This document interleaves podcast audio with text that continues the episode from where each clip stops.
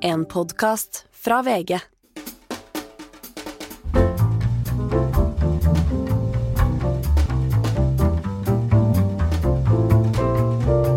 Hei! Denne uken har jeg vært i Fredrikstad på Litteraturhuset, hvor de hadde invitert Erna Solberg, tidligere statsminister i Norge, og Carl Bildt, tidligere statsminister og utenriksminister i Sverige. Vi tre snakket om Ukraina, om krigen, om Kina, om svenske tilstander. En eh, morsom og spennende samtale, syns jeg, så her får du en liten smakebit. Historien har jo lært oss eh, at russerne ofte er dårlige i starten av en krig, og så pleier de å komme seg etter hvert utover. Er det for tidlig å tro nå at de har gjort det dårlig? Både første og andre verdenskrig så var det jo ganske skralt ganske lenge. Ja, jeg er är inte om at det er historiens lærdom. Andre verdenskriget, ja. Første verdenskriget sluttet i katastrof. Eh, för det ryska imperiet, det gick under. Ja, Krimkriget gick åt helvete. Eh, Rysk-japanska kriget var en veritabel katastrof. Så att alltså, den ryska erfarenheten av krigföring är inte så där helt imponerande alltid. Eh, Men som sagt, andra världskriget är ju den, liksom, eh, den stora seger som de lever på.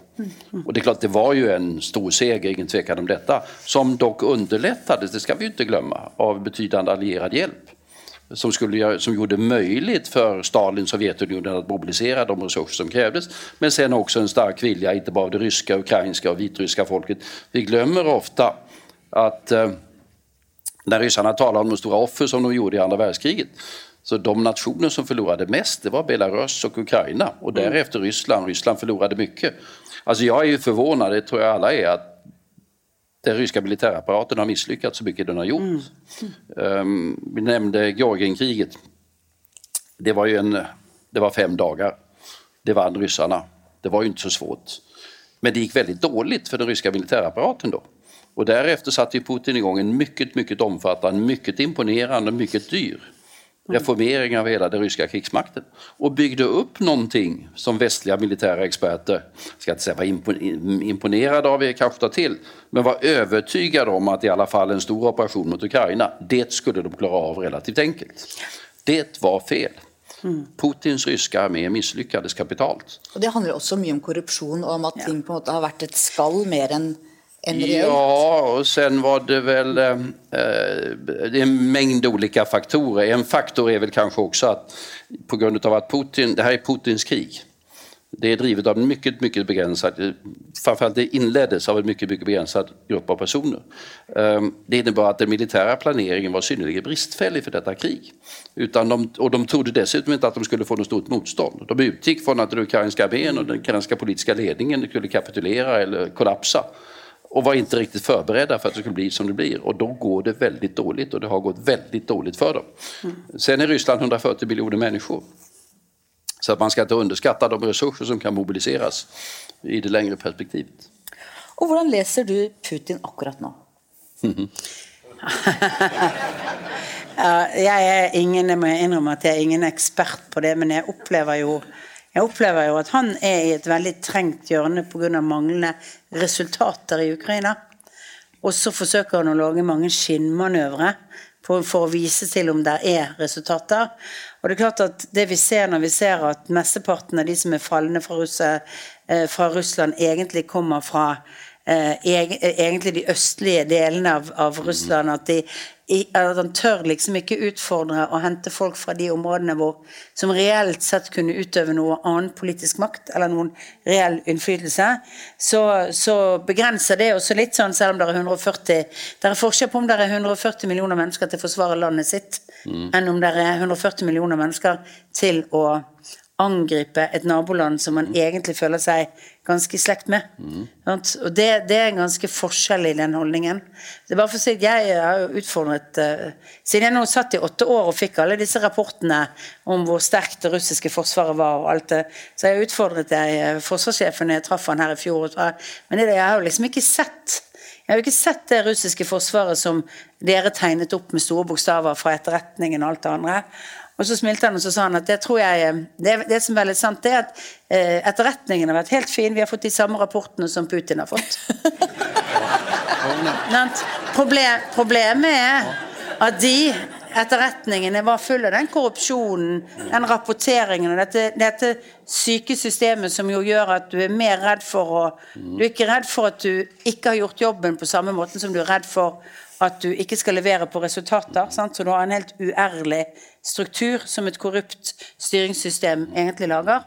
Og at det er litt av, litt av utfordringen. Så jeg tror ikke vi skal late som at de ikke er ganske sterke på en del områder, særlig knyttet til det som er norske sikkerhetsutfordringer, som er ubåtvåpenet deres. De har noen veldig stillegående, kraftfulle ubåter, som er en utfordring for kontrollen i Atlanterhavet.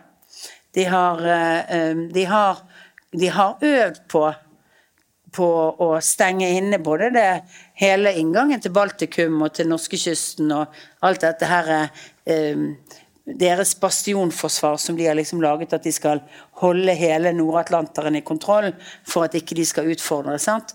Sånn at de, eh, de, har nok en del teknologiske ting som er, som er ganske viktige, selv om hæren deres ikke har fungert og har forsyningssystemer. Så jeg, jeg tror ikke vi skal vi, vi, kan, vi har ikke, Selv om det har sett dårlig ut, så er det fortsatt kapasiteter som er farlige for oss hvis noe skulle skje. Ja, och det är dessutom så att nu vet vi inte hur det här kriget kommer sluta. Men det, vi kan ju inte utesluta att även om Ryssland kommer dåligt och försvagat ur det här kriget, för det gör de, så kan vi inte utesluta att de bygger upp kapaciteten igen under ett antal år. Och det har vi lärt oss i våra länder, att bygga upp militär kapacitet, det tar tid. Så att vi måste ha en försvarskapacitet som vi bygger med mycket långa tidshorisonter för att vara beredda på det eh, som kan inträffa längre fram. Og der har jo både min avis VG og mange andre kritisert både din regjering og andre regjeringer for at man ikke har kommet opp på 2% av forsvarsbudsjettet. At man da, Jeg var på mange, eh, dekket mange forsvarssjeffremlegginger av langtidsplaner, hvor både din regjering og andre regjering har valgt de laveste alternativene, også etter 2014. Ja, men det som skjedde etter 2014 var at fra å gå nedover i forsvarsbevilgninger, så har vi gått opp. Og i perioden fra 2013 til 2022 så er det en realvekst på over 3 hvert eneste år i selve forsvarsbudsjettet. Det har altså falt nå. Og så pleier jo jeg da å si som mitt forsvar altså i 2020 så ble det 2% men det ble jo ikke bedre forsvarsevne av det. Altså Det er to måter å nå et prosentmål på. Det ene er at du har en pandemi som gjør at BNP faller. Da når du 2 Det ble ikke en eneste soldat til av det. Og så tror jeg det er veldig viktig å huske Forsvaret må bygge sten for sten. Eh, og det vi har hatt Vi får veldig opp og ned BNP pga. oljeøkonomien vår. Så vi får liksom litt sånne teoretiske øvelser som ofte går veldig høyt opp. og sånn. Men vi må bygge sten på sten, for dette er kunnskap, kompetanse og kapasitet som skal bygges. Men likevel så har dere jo ikke levert på de høye kravene fra forsvarssjefene. Dere har jo lagt dere på laveste alternativ. Men vi skal la det ligge. Eh, Jeg kan forklare det også, men vi skal ha det. For vi lot forsvarssjefen få lov å fortelle hva han virkelig ville ha. Det har ingen regjering gjort siden den kalde krigen var over.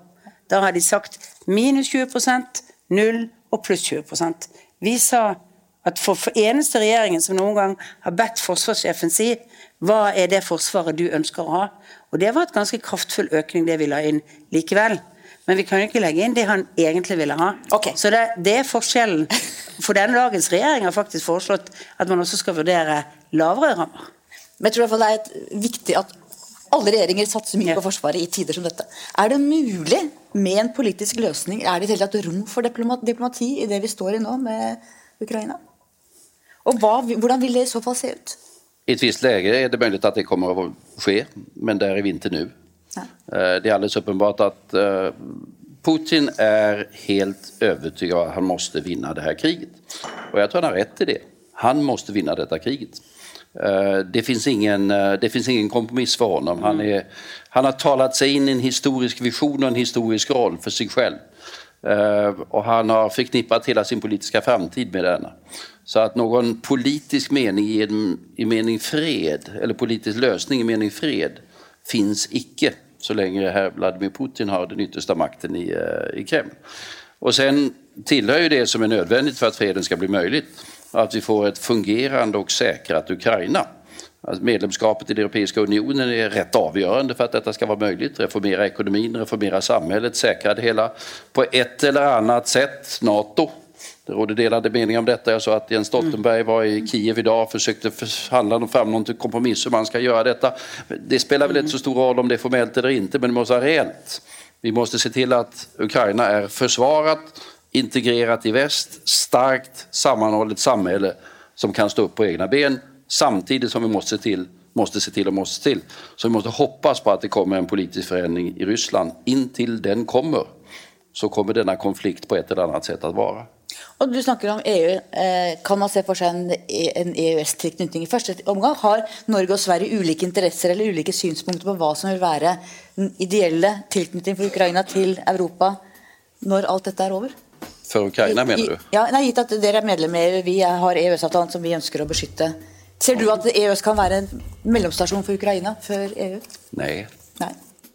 Nå har du hørt en smakebit av min samtale med Erna Solberg og Carl Bildt. Hele kan du høre på Podme eller VG+. Ha en fin helg.